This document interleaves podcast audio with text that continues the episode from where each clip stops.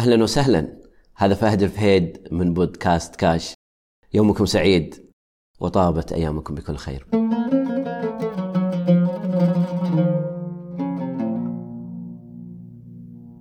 هذا البودكاست أحد منتجات سماوة. من يعرفني يعرف أني أضع الكثير من المواضيع عن الوعي المالي وثقافة إدارة الميزانية في حالة الواتساب. وتصلني ردود أفعال ما شاء الله تبارك الله يعني جيدة. لا أقول إنها كثيرة لكن مستواها جيد. في أحد المرات آه، وضعت موضوع عن تعدد الحسابات البنكية لدى الشخص. فسألني واحد قال ما أستطيع يعني نظام البنوك إنه ما يسمح لك إنك تفتح أكثر من ثلاثة حسابات في بنك واحد. قلت له لا هذا غير صحيح تستطيع أن تفتح أكثر من حساب. في هذه الأثناء وأنا أتحدث معه وصلتني رسالة من آه، زميل قال لي أنا لدي 12 حساب. وأرسل لي ماذا سمى هذه الحسابات. شيء عجيب عجيب عجيب جدا ما شاء الله تبارك الله.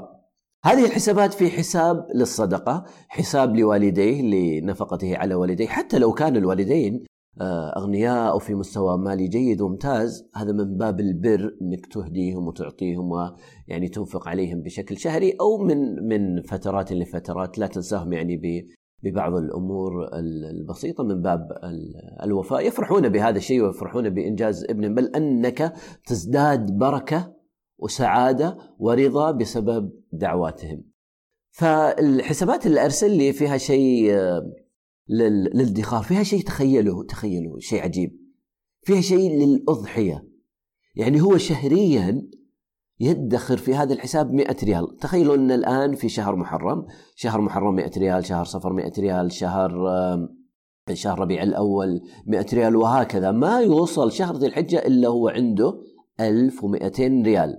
ممكن في هذيك السنة أسعار الأضحية تتراوح بين 1400 1500 1600 ما عنده إشكالية بالعكس يزيد 200 300 ولا يرهق نفسه فجأة في شهر واحد أنه لأجل أنه سيضحي 1500 ريال من الرصيد وفترة عيد وفترة إجازة صعبة وثقيلة جدا. لذلك التخطيط المبكر يريحك كثيرا. أيضا في, في السفر كثير من رواد السفر واللي يفهمون بالسفر واللي يخططون صح للسفر قبل عدة أشهر قبل ممكن ستة أشهر أربع أشهر يشتري التذكرة. إذا قرب مثلا آه، آه، باقي شهرين أو باقي فترة قريبة يشتري الحجوزات الفنادق. إذا قرب يضع له الميزانية. حتى لا يرهق نفسه كل ميزانية الشهر تكون من رصيد شهر واحد. لا كذا أنت بتتعب. لذلك تتفاجأ أحيانا كيف فلان وفلانة كثيري السفر. ترى هي إدارة. بغض النظر عن كمية الأموال التي لديهم الله يبارك لهم ويزيدهم ويحفظ ما, ما لديهم ويبعد عنهم الشر والأشرار نتمنى الخير لجميع الناس لا نتمنى الضرر لأي كائن من كان.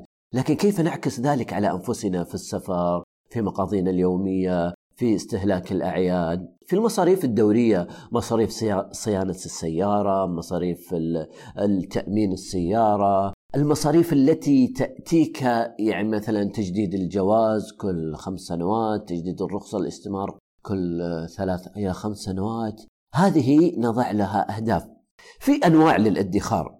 في شيء اسمه الادخار الإجباري. أنت مجبر على هذا الشيء ليس بإرادة منك أنت ما تستطيع أن تتحكم فيه.